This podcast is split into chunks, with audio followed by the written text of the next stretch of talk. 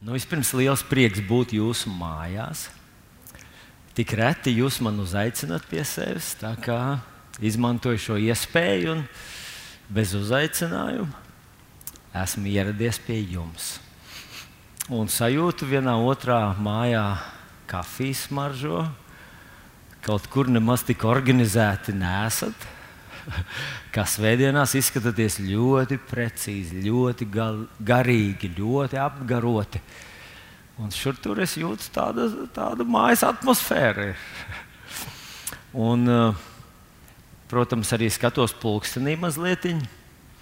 Bet mēs taču varam drusku ilgāk šorīt parunāt, vai ne? Jo iedomājieties, tikko mēs pateiksim Āmen, nākošā sekundē jūs jau būsiet mājās atkritīs ceļš un visas jautājumi. Un restorāns ir turpat pāris soļu attālumā. Tā kā visas ērtības ir nodrošinātas.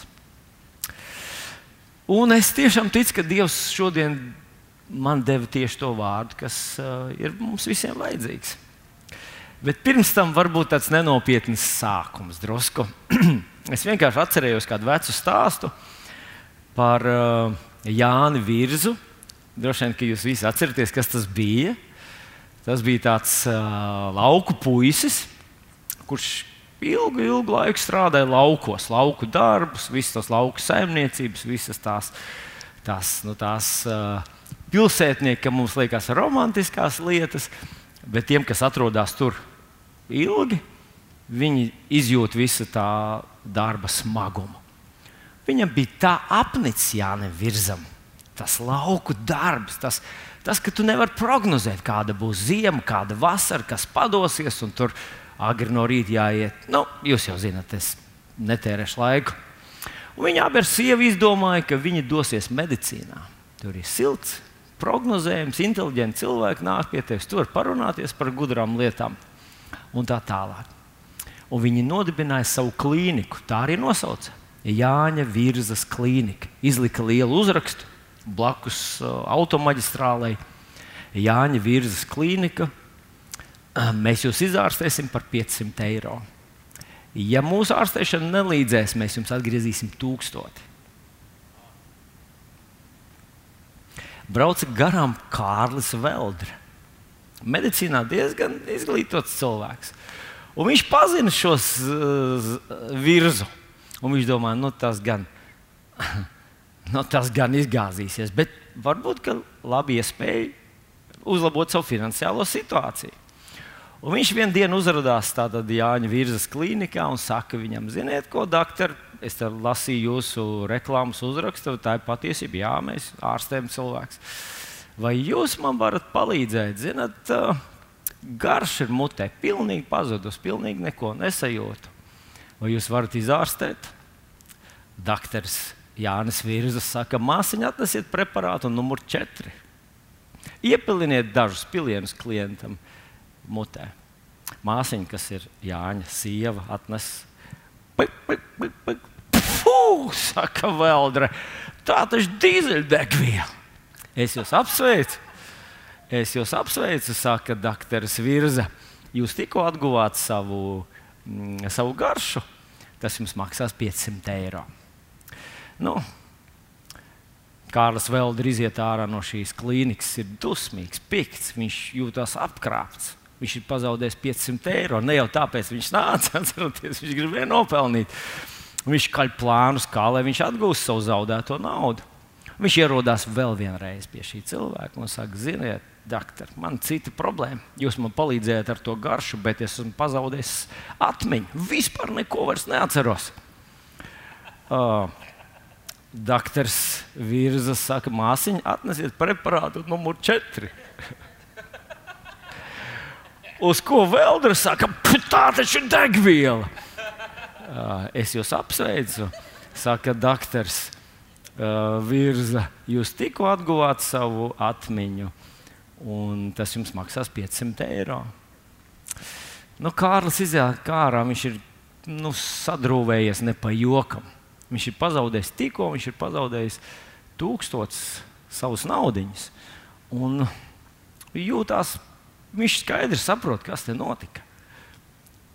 bet viņš nevar to pierādīt. Un viņš kaļ plānus, kā lai, kā lai atgūst savu naudu. Un viņš beig, beigās ierodās vēlreiz. Un saka, ziniet, ko doktori, nu, pilnīgi tā kā nodzis, neko neredzu. No rīta vēl druskuļi redzēt, tagad sēž un jūs neredzat, tikai dzirdat jūsu balsi. Vai jūs varat man palīdzēt ar acīm? Uz ko doktors virza viņam saka, ziniet, ar acīm. Sorry, nu šeit gan mēs jums palīdzēt nevarēsim. Saņemiet savus tūkstošus eiro. Uh, Kārlis Veldre, kurš neko neredz, pavirši uzmet acis, saka, bet piedodiet, te ir tikai 500. Uz ko doktors viņam saka, mīļais draugs, es jūs apsveicu, jūs tikko atguvāt savu redzi, tas jums maksās 500 eiro. Un tā viņš aizbra, aizgāja no tās reizes uh, uz to klīniku, vairs negāja. Nes savā sirdī tādu rūkumu, vilšanos par to, ka tur viņi tā iznes cauri, lai nu, lai nu kaut kāda iesācēja, bet ne jau Kārli Veldri. Un nu atnāca šis korona laiks. Un viņš brauc garām un domā, tam zemniekam taču nav poņas vispār par to, kā ar to tikt galā. Viņam nav ne maskas, ne brilles, ne, ne visa aizsargtērpa ne, ne testi, viss tas aprīkojums. Un viņš izlēma, viņš ierodās Jāņa virsmas klinikā un saka, ziniet, ko doktori atgriezos tikko no Itālijas kleps, klepus iesnas. Tā kā, tā kā tāda slikta sajūta. Uz ko doktors virsmas saka, māsiņa, māsiņa, atnāciet šurp. Vai mums vēl ir kāds tukšs izolators? māsiņa saka, viens vēl ir. Ieslogiet pacientu uz 14 dienām karantīnā, izolātārā.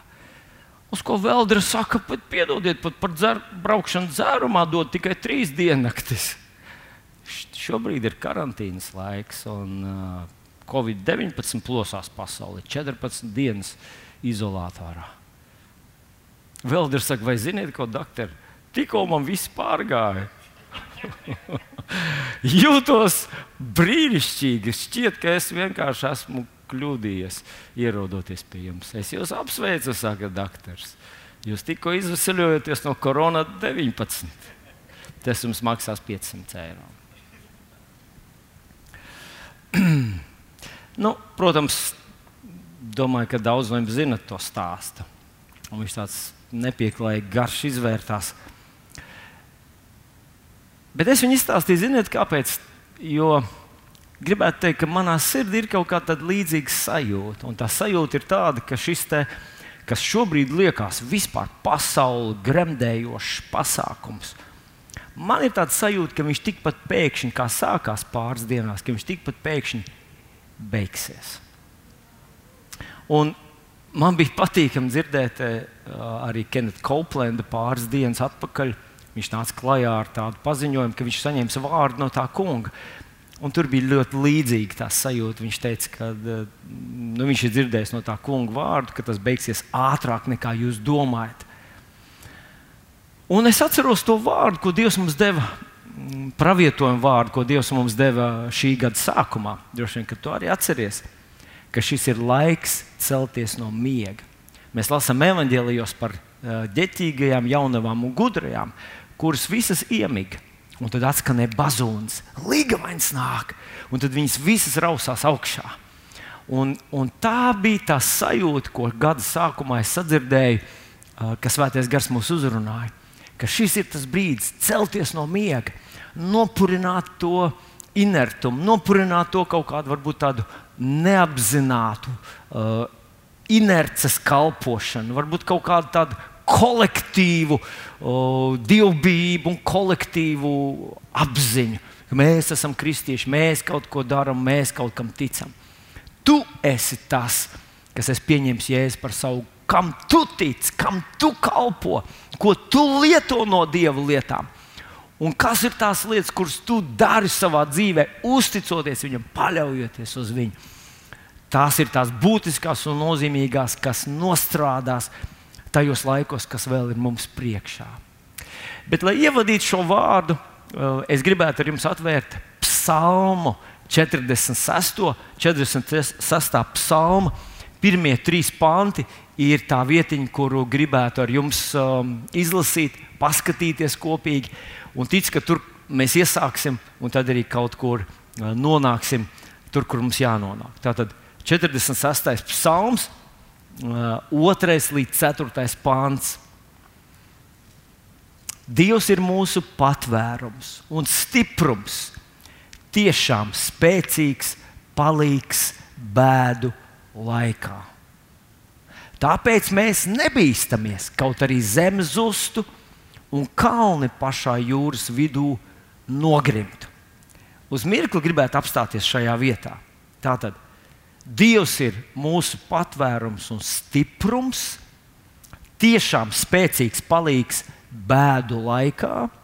Tāpēc mēs nebīstamies, kaut arī zeme zustu un kalni pašā jūras vidū nogrimtu.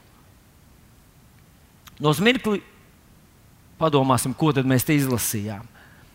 Tā tad spēcīgs palīgs bēdu laikā. Vai šis ir bēdu laiks? Ziniet, kāds varbūt teiks, nav nekāds bēdu laiks. Varbūt, varbūt tavs darba devējs ir valsts, varbūt valsts tev aizsūtīja uz mājām uz 14 dienām. Tev ir, tev ir viss ir garantēts. Pats premjerministrs tagad sēž mājās 14 dienas. Kā mēs zinām, vēl nevar zināt, vai viss parlaments nesēdēs mājās 14 dienas. Nu, vienkārši force mažors. Tu sēdi mājās ar savu ģimeni, bērniem, staigā apkārt. Tas tā kā tāds atvaļ, negaidīts atvaļinājums. Bet varbūt visiem tā nav. Varbūt kādam ir uh, simptomi parādījušies. Un, zinot, mums bija viegli uzvarēt, ja mēs kaut ko pazīstam, cīnījāmies. Vienkārši tas augstējies, vienkārši tev uznāca klepus, vai, vai temperatūra, vai kaut kas. Agrāk ar to bija vieglāk tikt galā. Nu, iespējams, ka tas ir korona. Iespējams, tas ir Covid. Varbūt, kad 19. bija vakar, varbūt tagad ir 20. Ziniet, ne tikai tas, ka tā slimība un simptomi, un, un varbūt tas slimības izsaucējs kaut kāda infekcija vai vīrusu, vēl ir nezināmās bailes. Un es domāju, ka ir cilvēkiem ir grūtāk ar to cīnīties. Tikai šī milzīgā uzpūstā tēla dēļ. Bet es gribētu teikt, ka tas ir nāk no tās pašas ģimenes, no tās pašas branžas, kas ir zem mūsu kājām. Un mums to vajadzētu vienmēr atcerēties. Bet tā tad, vai tās ir bēdas vai nav bēdas? Kādam varbūt tas ir diezgan nopietna situācija. Varbūt tava darba vieta ir samazinājusies, varbūt tavs uzņēmums ir slēgts vispār. Vispār viņam nav ienākumu. Un tu zinot savu uzņēmumu situāciju, saproti, ka nu, jūs esat šaurā vietā. Ja tiešām valdība palīdzēs, tad varbūt izdzīvosim. Bet, ja tie būs tikai vārdi, nu, tad varbūt ir bēdas. Nu, ar to es gribu teikt, ka situācijas ir atšķirīgas. Tomēr gribētu teikt, ka salīdzinot ar īstām bēdām, šīs nav vēl īstas bēdas. Un tomēr viņš saka, ka Dievs ir spēcīgs, palīgs reāli bēdu laikā. Reāli bēdu laikā. Ziniet, ir bijuši laiki, kad cilvēki nevar nākt uz dievkalpojumu ne tāpēc, ka viņi baidās inficēties ar kādu slimību, bet tāpēc, ka visus tos, kas ieradīsies, tos arestēs un viņiem izpildīs nāves sodu un cilvēki vienalga gāja. Cilvēki gāja pulcējās mežos, naktas melnumā, un tur slavēja Dievu. Ķīnā cilvēki to vēl aizvien dara. Ziniet, ko? Nav, tas nav tikai mācītāju untums. Tas nav tikai tāda vēlme nākt kopā, lai mēs varam savākt ziedojumu. Mums ir Dieva dots mandāts sanākt kopā, sanākt kopā un pielūgt Dievu. Galu beigās debesīs mēs visi būsim kopā. Mēs esam viens ķermenis. Un mums vajag viens otru. Ja es teicu, kur divi vai trīs ir vienā prātā, tur es esmu viņu vidū. Dievs ir no, nolicis šo kārtību. Absolūts Pāvils raksta, neatstājiet savu sapulcēšanās vietas. Zinat ko? Es ticu, ka ja mēs ar tevi īstenībā izprastu, kas notiek, kad mūsu dzīve nav tā kā tāda papildus stimula, ka mūsu imunitāte, vai bibliskais vārds ticība netiek stimulēta svētdien, kad mēs tā kā atslābstam, ka mūsu garīgā muskultūra tā kā, tā kā nu, atrofējas. Ja mēs aps, apzinātos sekas vai riskus, kādu pieaug līdz ar to, mēs teiktu, mācītāji, mēs gribam atpakaļ, mācītāji, vai es nedrīkstu atnākt uz dievkalpojumu. Zinat, ko? Es esmu, mēs esam dzirdējuši dažus cilvēkus, kas saka, mācītāji, es saprotu, ka viss paliks mājā, bet es tik ļoti gribu. Tāpēc man sejas izteiksme zina, ko es atbildētu, ja tu man tā pajautātu. Ja tu tik ļoti gribi, ja tu tik ļoti gribi, ja tu tik ļoti gribi, tas ir ļoti labi. Tas ir ļoti labi. Man arī ļoti pietrūkst šīs komunikācijas ar tevi.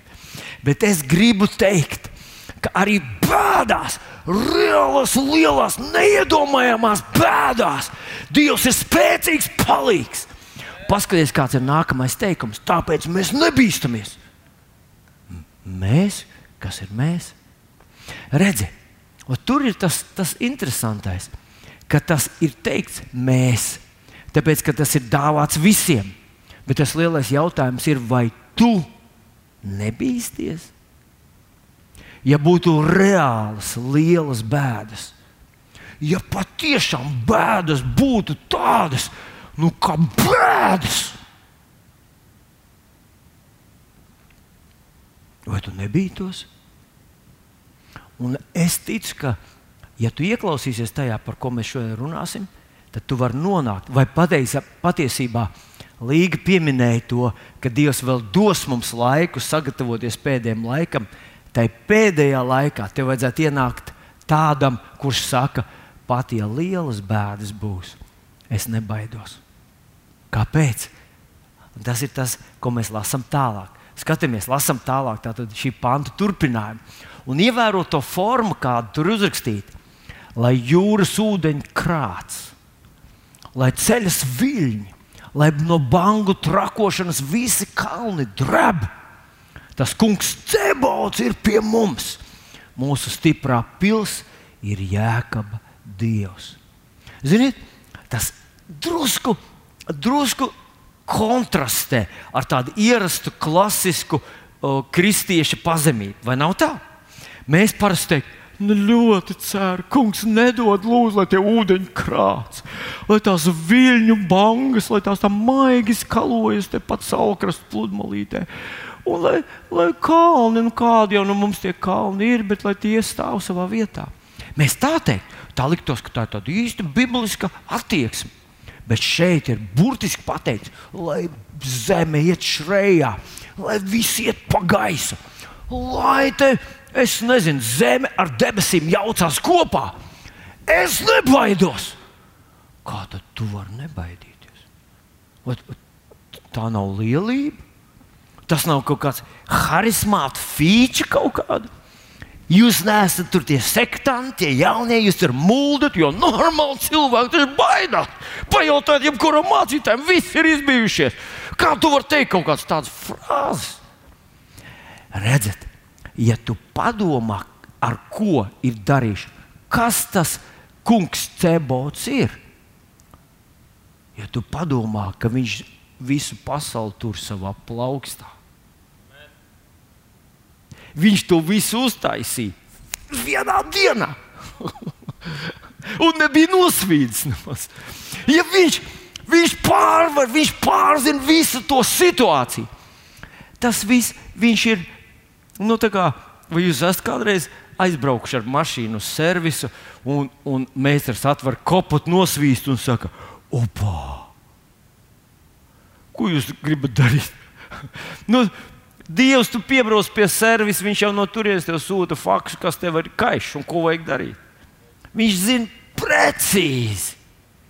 Un ja šis debesu un zemes radītājs ir tavs Dievs, kurš dzīvo tavā sirdī, kurš teica, es būšu ar tevi ikdienas līdz pasaules galam.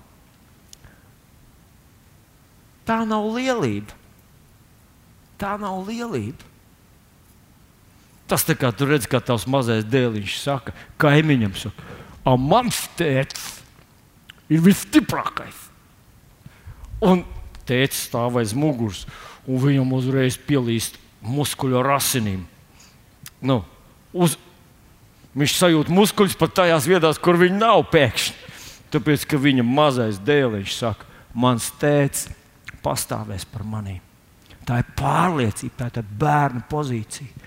Lai vai kas notiks pasaulē, un pasaulē notiks dramatiskas lietas, palas atklāsmes grāmatu, palas to visu, kas tur notiks kad beigsies žēlastības laiks. Šobrīd mēs ar tevi dzīvojam jau 2000 žēlast, gadu žēlastības laikā. Kad ir spēkā tas apsolījums, nevienam ierocim, kas vērsts pret tevi, neizdosies. Tāpēc šis Covid-19 vai koronavīrus, ziniet, tas, kas viņu radīja, un tas nav cilvēks, tas ir demoniskā pasaule. Viņu nodoms bija pavisam cits. Viņam neizdodas vienkārši. Visu laiku kaut kā viņam nesanāk. Kāpēc? Tāpēc, ka Jēzus teica, es celšu savu draugu pretī Ēlas vārtiem, un Ēlas vārti netiks ar to galā. Tas ir tas, kas reāli redzams. Tu saki, jā, bet Itālijā. Es nezinu īsti par Itāliju. Es nezinu draudzes stāvokli tur, bet es zinu, ka Latvijā priekvēsts mēs nostājāmies pretī. Mēs saistījām demonisko pasauli. Domā, viņi nobijās no tavas balss. Nē, viņi nobijās no tā, kas stāv aiz tā vārda, kas saucās Jēzus. Jo Jēzus teica, un debesis jūs atbalstīs. Debesis ir tas, no kā nobijās tās demoniskās varas. Un kas Jēzus vārdā liks šai sērgai Latvijā izdzist pāris dienu laikā. Paldies, Tev, debes Tēvs, par to. Tātad, vai tu vari būt cilvēks, vai tu esi tas cilvēks, kurš paskatījies rītdienā, varētu teikt, lai kas notiktu pasaulē, es nebaidos, jo Kungs Cebots ir ar mani. Viņš ir mana stiprā pilsēta, man ir pilsēta, kur paglāpties, man ir mana drošā vieta. Un tas nav tavs dzīvoklis vai tavs privāta māja, kur tev tur atrodas kaut kur, tur varbūt labā vietiņā, klusā. Nē, nē, nē. nevar noslēpties no ienaidnieka. Var viņu uzvarēt tikai. Kungs Cebots, Cebots ir debesu kara pulku dievs. Tas ir viņa kara vārds. Ja? Karavīrs. Mans dievs ir karo par maniem. Viņš ir ar maniem. Tāpēc es nebaidos. Nu, lūk, lai, to, lai mēs ar tevi to, lai man izdotos tev to nu, parādīt un ilustrēt, man ir jāpaskatās uz pašu, pašu sākumu, jo tur bija redzams tās lietas, kuras, uh, kuras manuprāt, tur ir visvieglāk viņas parādīt. Un tas sākās pirmā mūža grāmatā, pirmajā nodaļā. Un es lasīšu šeit, vai precīzāk sakot, ja tev ir līdzi tā bībelīte, uh, kaut kur noteikti viņa tev ir. Tu vari druskuļi ieskatīties. Un es arī ieskatīšos, jo, jo tur mm, es runāšu par lietām, kuras mācījos tikai svētdienas skolā, un tās ļoti slikti atceros. Tātad, pirmā mūzes grāmata, pirmā nodaļa, šeit ir radīšanas stāsts. Tātad mēs visi zinām, ar ko sākās Bībele. Iesākumā zeme bija neiztaisīta, tukša un tumša, un Dieva gars lidinājās par ūdeņiem. Tātad visa zeme bija ieskauta no ūdeņiem, bija absolūti tumša, haoss, tāds pirmotnējs haoss. Un tad Dievs iesāka savu uh, to zemi un tos ūdeņus un to tumsu. Arī, protams, Dievs bija radījis. Bet tagad viņš sāk sakārtot zemi. Un to mēs lasām no otrā panta. Un paklausies, es neizlasīšu visu to garo stāstu. To tev jāizdara pašam. Es vienkārši pateikšu to secību, kādā Dievs darbojas un kā Viņš rada. Nu, lūk, tā secība ir tāda. Pirmajā dienā Dievs rada gaismu. Es apsēdīšos. Pirmajā dienā Dievs rada gaismu. Otrajā dienā Viņš rada izplatījumu, redzamo debesu, debesis un kupolu. Varbūt tas ir ozona slānis apkārt zemeslodē. Es te īsti nezinu. Saka, ka iespējams ka tas ir druskuļi mainījies pēc tiem pirmajiem grēku plūdiem, bet nu vienalga. Viņš rada šo debesi, redzamo debesu. Trešā radīšanas diena. Trešajā dienā viņš rada upes, ezerus, tādas sausums, pirmo reizi ūdens viss no, no, no, notek. Un viņš rada upes, ezerus, jūras, okeānus.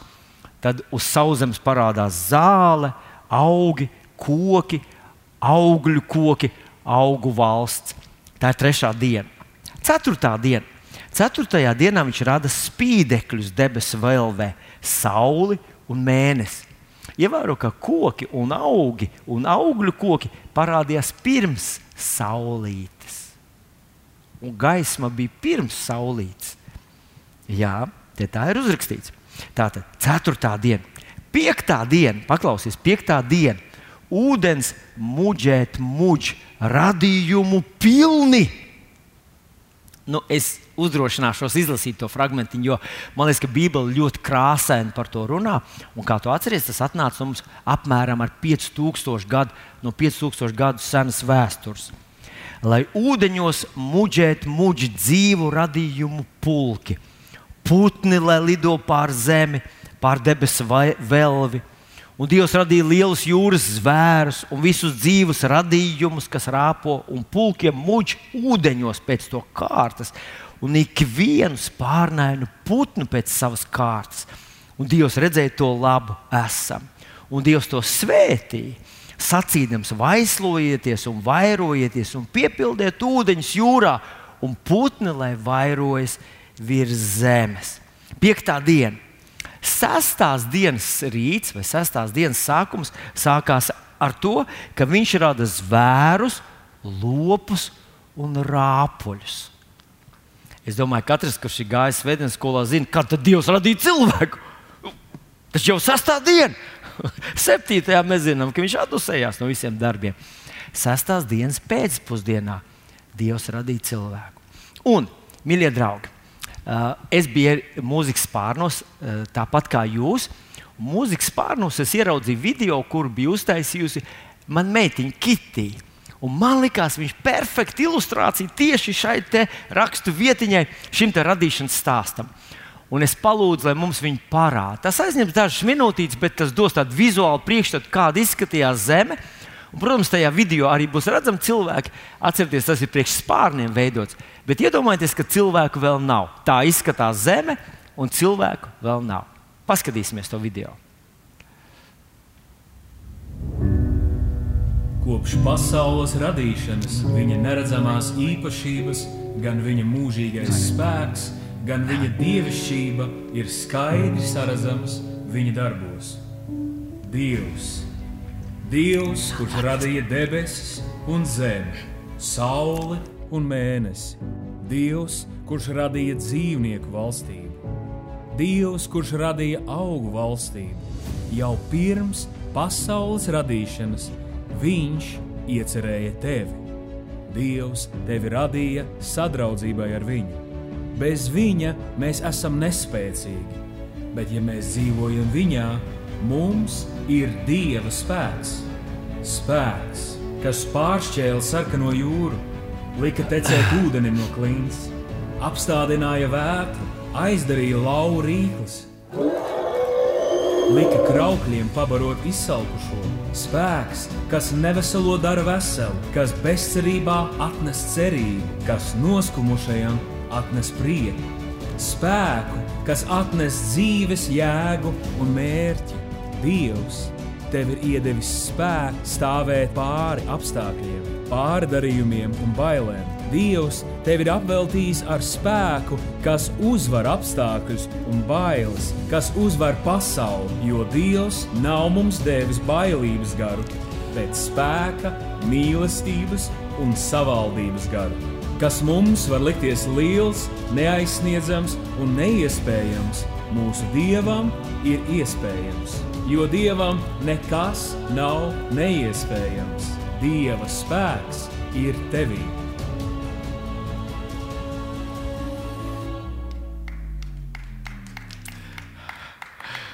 Jā, jā mazliet patraucēja tie cilvēciņi, tie jaukie, piemīlīgie bērniņi, kas tur bija. Bet to domu, es ļoti ceru, ka to domu tu saprati, ka Dievs grasījās pasaulē radīt divus cilvēkus bet viņš piepildīja visu to pasauli, pilnus okeānus ar zivīm, pilnas pļavas ar putniem. Visu zemi viņš pārklāja ar zāli, kokiem, augļu kokiem, ar visneiedomājamākajām, skaistākajām radībām. Un tad izveidoja dārzu, kurš apmēram aizņēma Irākas teritoriju. Nu, tas, manā izpratnē, tas kā visas trīs Baltijas valstis kopā, tas bija tas dārzs, kurā Dievs ielika divus cilvēkus. Un tagad vienā dienā, kā jūs redzat, es arī esmu dārzā, ļoti mm, līdzīgā vietā. Un uh, es ticu, ka vienā dienā Ādams aizdomājās, kāpēc tā? Ja mēs esam tā, tā viņa radījuma kronis, ja cilvēks ir tas svarīgākais, un dārgākais un nozīmīgākais radījums, kas Dievam bija radāms šajā pasaulē, kāpēc Viņš mūs radīja pēdējos? Sestās dienas pēcpusdienā, gan drīz vai vēl drusciņā, un nebūtu paspējis mūs radīt. Kāpēc tā? Un tad viņš aizdomājās, kā būtu, ja Dievs viņu radītu pašu pirmo. Pats pirmais, ko Dievs rada, ir Ādams. Nu, Ieva, kā mēs zinām, vēl, vēl parādījās pēc kāda mirklīša, bet Ādams. Ziniet, kas būtu? Pēkšņi no tumsas, no ūdens atskanētu lūkšana. O, oh, Dievs, paldies, tev, ka tu esi man radījis, bet mēs, es neesmu tik labs peldētājs. Un starp citu, es neko neredzu apkārt.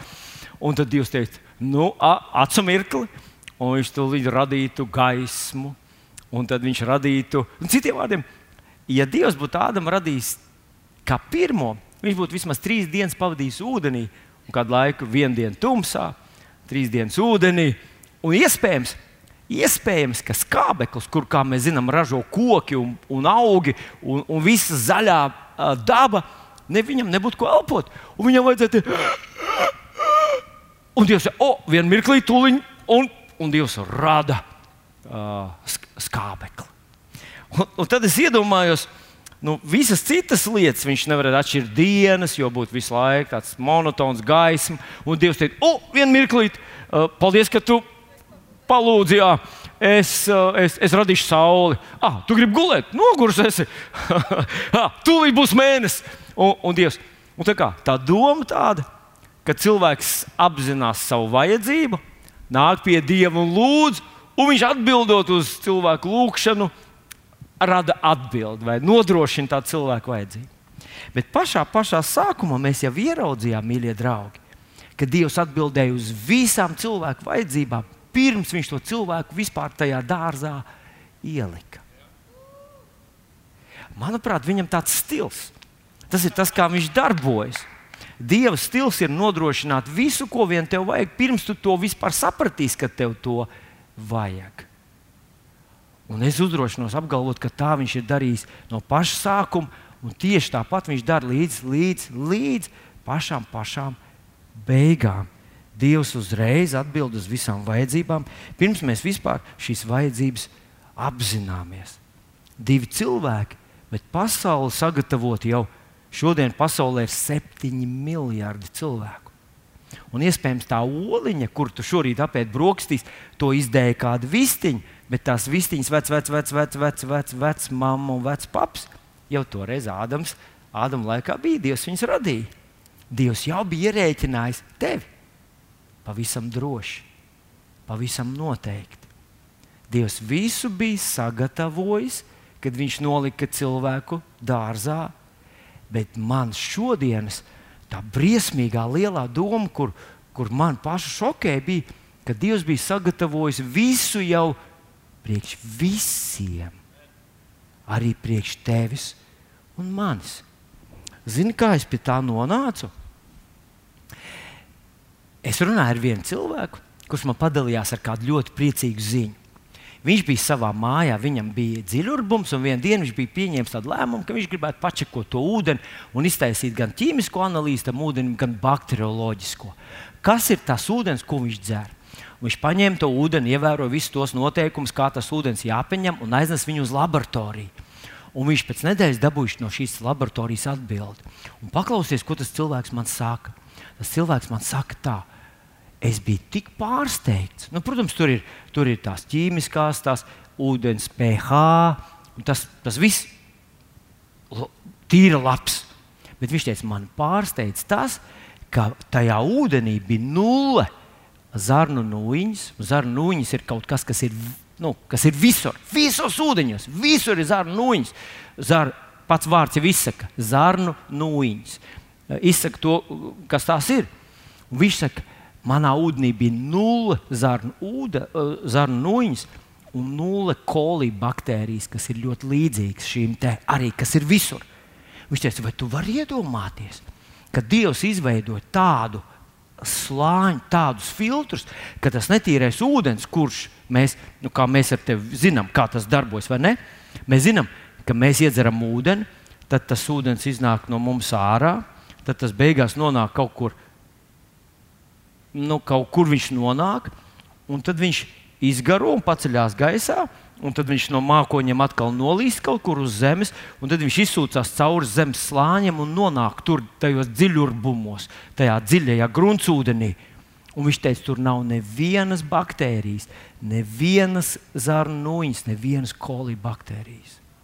Un tajā mirklī, jūs zināt, pēkšņi es, es ticu, ka tas bija svētais gars, kas man atklāja tādu ļoti svarīgu patiesību, ka pasaulē jau ir tieši tas pats ūdens kurš toreiz, kad Dievs radīja pasauli, viņš rad, nu, tur bija tas ūdens.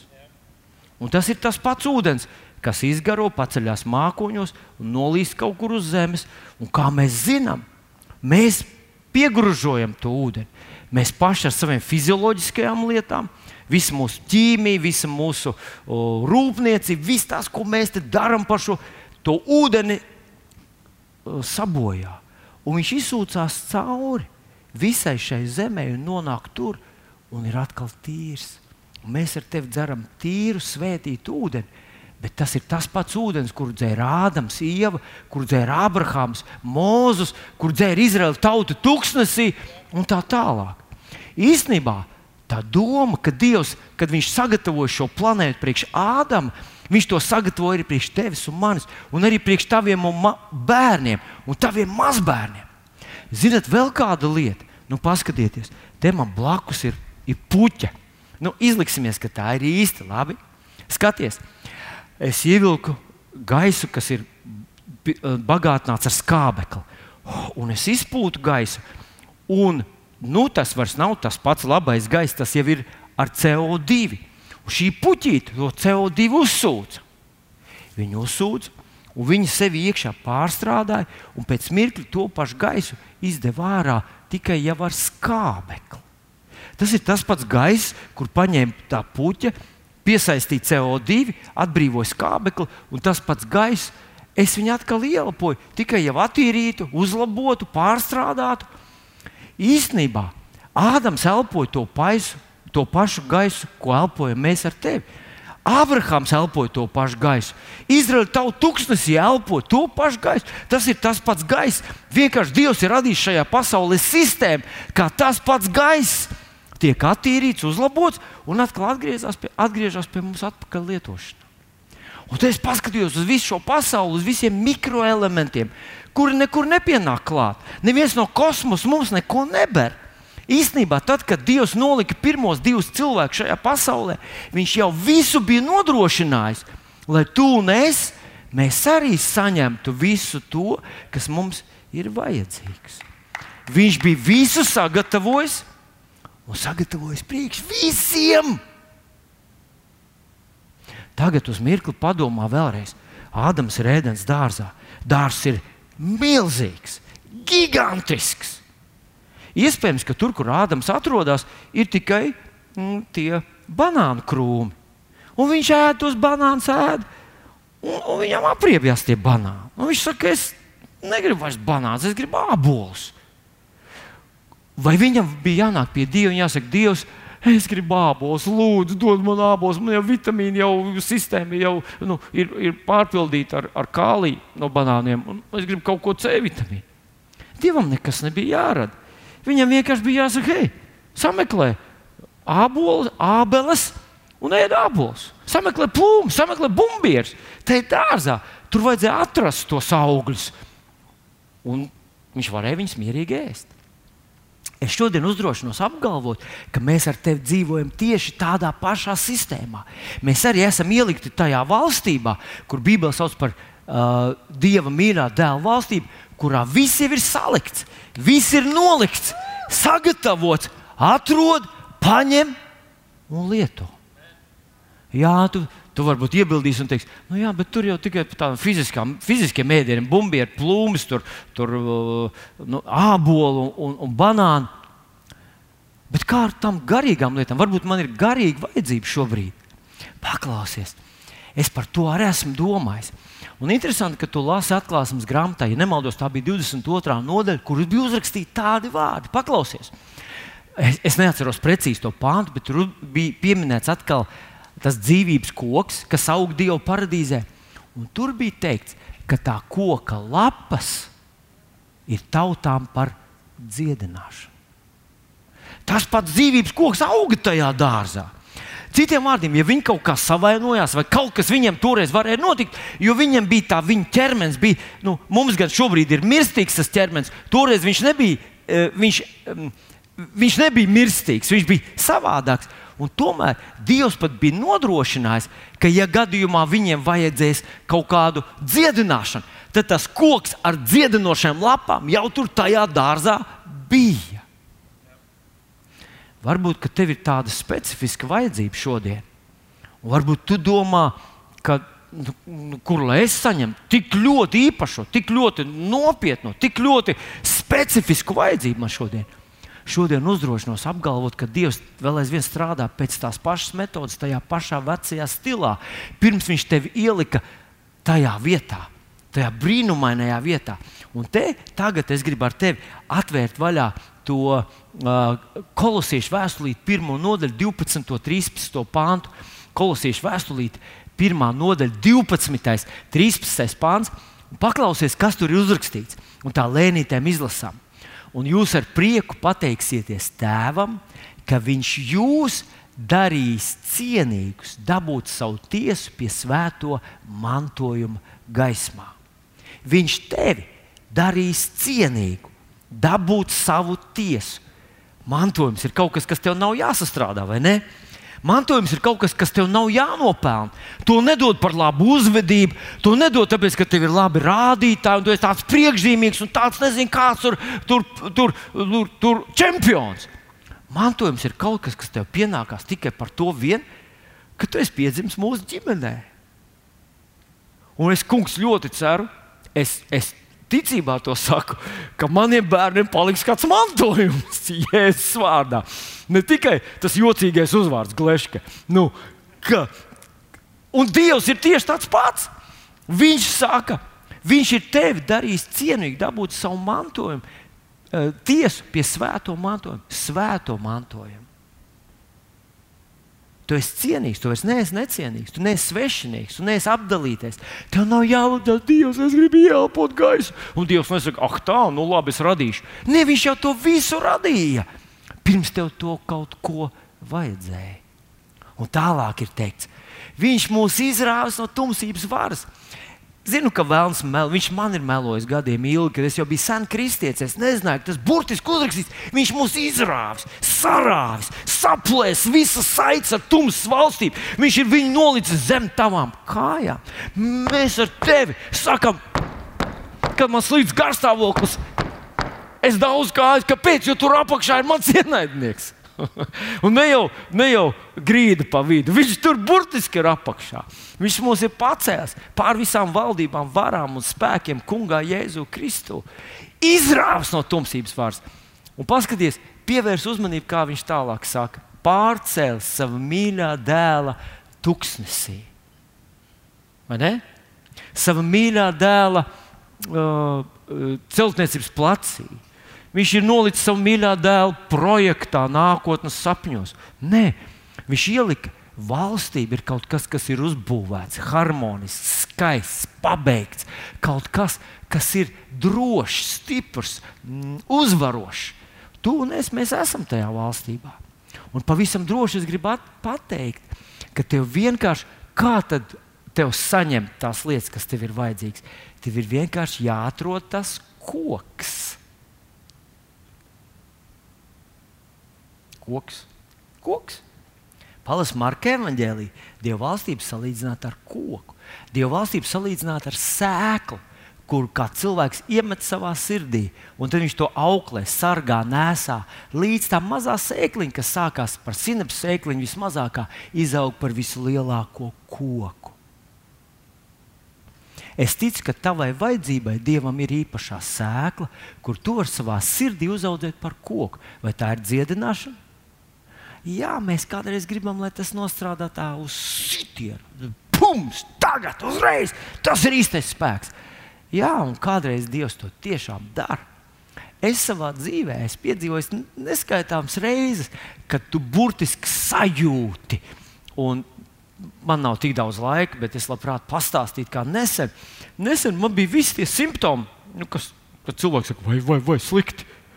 Un, un es slavēju Dievu, pateicos uz ēdē, un burtiski sajūtu to, kā kāds tā noņēma no tādu lielu smagumu no manām krūtīm aizgāja. Un viss uzreiz, uzreiz aizgāja projām. Un nekad vairs neatnāca atpakaļ. Dažreiz tas notiek momentāli, bet dažreiz tas notiek tā, kā Marka Evanģēlī viņš uzrakstīja. Atrodi koku, atrodi Dievu vārdu, atrodi to pantu, kurā Jēzus kaut ko tādu ir sacījis.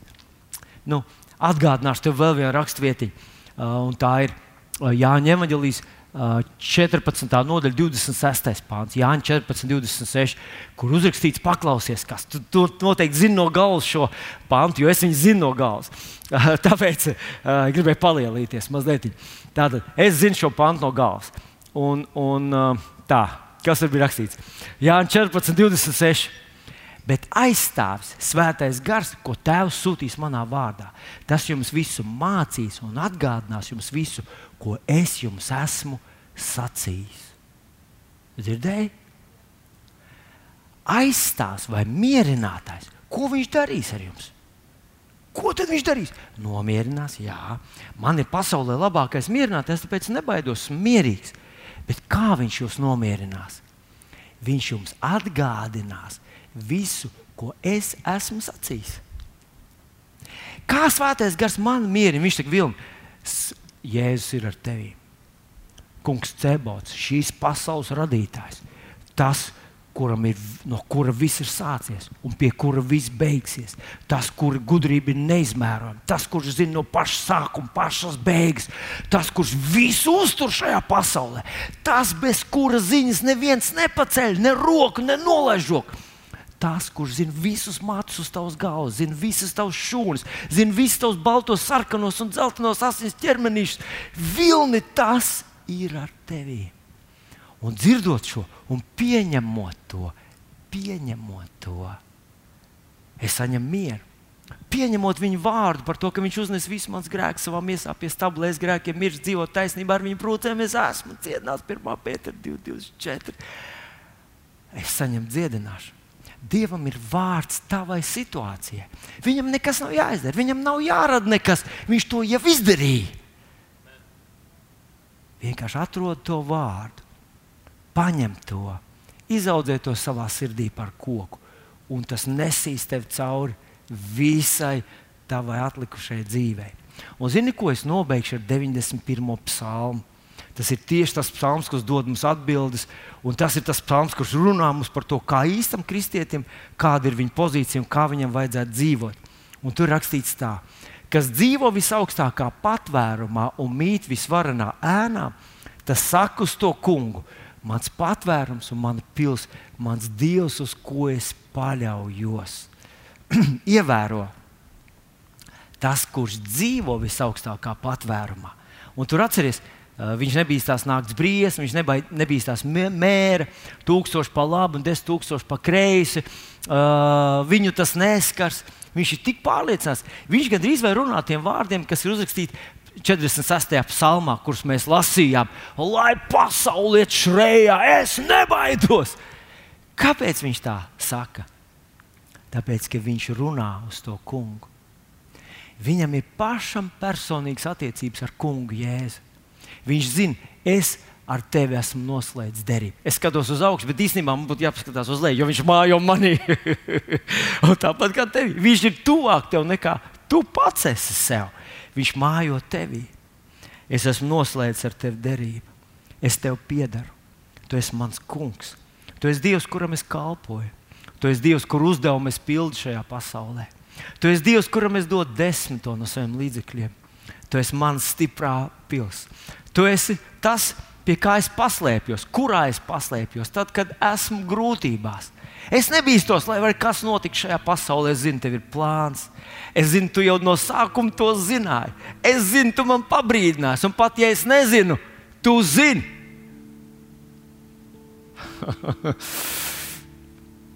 Bāz ilustrāciju. Man ir brīnišķīgi mazbērni, un mazbērni kaut ko jaunu atraisa katrā cilvēkā. Un vienā dienā mēs kaut kur braucām ar maz, mazmeitām. Tas bija Walter Meitiņš. Viņš sēdēja pie manis. Es šeit mēģinu kaut kā, nu, kā iesaistīt viņas procesos. Un tad es eh, vienā dienā saku Sārai, mēs braucam kopā. Es saku, Sāriņ, tu man tikai paskaties, kur tu jābrauc. Tagad ir tumšs, es īsti varu nezināt to ceļu. Un viņa pēkšņi satraucās. Viņa saka, bet, bet, eh, bet, bet tad viņa saka, Opi, bet tu tā zini to ceļu. Nu, vai tad es varētu teikt, nē, es esmu aizmirsis, es neredzu neko, neko tādu. Es esmu kristietis, es to nevarēju darīt. Es teicu, Sāriņ, protams, ka es zinu tā ceļu. Un, protams, ka es zinu, kā aizbraukt. Nesatraucies nemaz. Un tas ir tas, ko tu vari darīt, tad, kad tu nezini, kad tu nesaproti, kas notiks. Kā tava situācija atrisināsies? Nu, kā tad beigsies tas, tas uzbrukums, kas tev šobrīd ir? Atcerieties, Iesai 54, 17. Viņš nebūs veiksmīgs. Tas uzbrukums nebūs veiksmīgs. Tu neatņems man, man mieru, neatņems man prieku, neatņems man uzvaru. Kāpēc? Jo man ir attiecības ar manu debesu tēti, Dievu. Mans tētis ir debesu un zemes radītājs. Mans tētis ir Dievs. Mans vecākais brālis ir Kungs Jēzus Kristus. Es esmu Dieva bērns.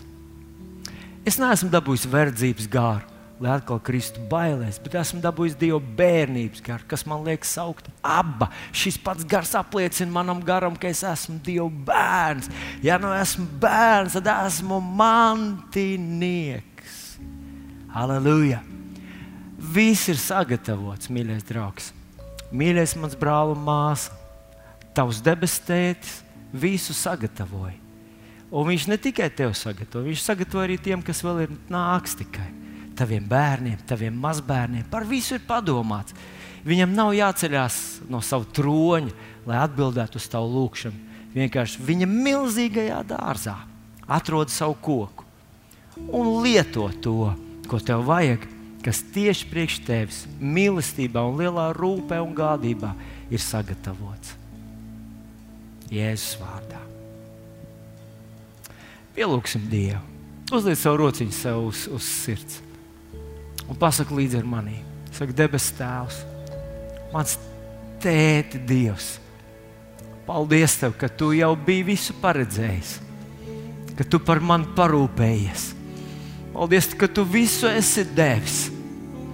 Paldies, tev, ka var uzticēties tavam vārdam varu pieņemt to savā sirdī, un ka mana ticība tavam vārdam dara brīnumu. Un es pateicos, ka varu uzvarēt šo savu cīņu, savu situāciju, savus īpašos apstākļus ar tavu īpašo palīdzību, Jēzus vārdā. Debes Tēvs, paldies Tev! Paldies Tev, ķēniņ! Es lūdzu par saviem brāļiem un māsām no visas sirds. Es atraisu Dieva mīlestību, es atraisu spēku, es atraisu dziedināšanu. Jēzus vārdā es atraisu dziedināšanu par tevi, brālīt. Īstu dziedināšanu šim īpašam laikam, šai jaunajai sērgai. Es atraisu Dievu dziedinošo spēku no matu galiem līdz kāju papēžiem.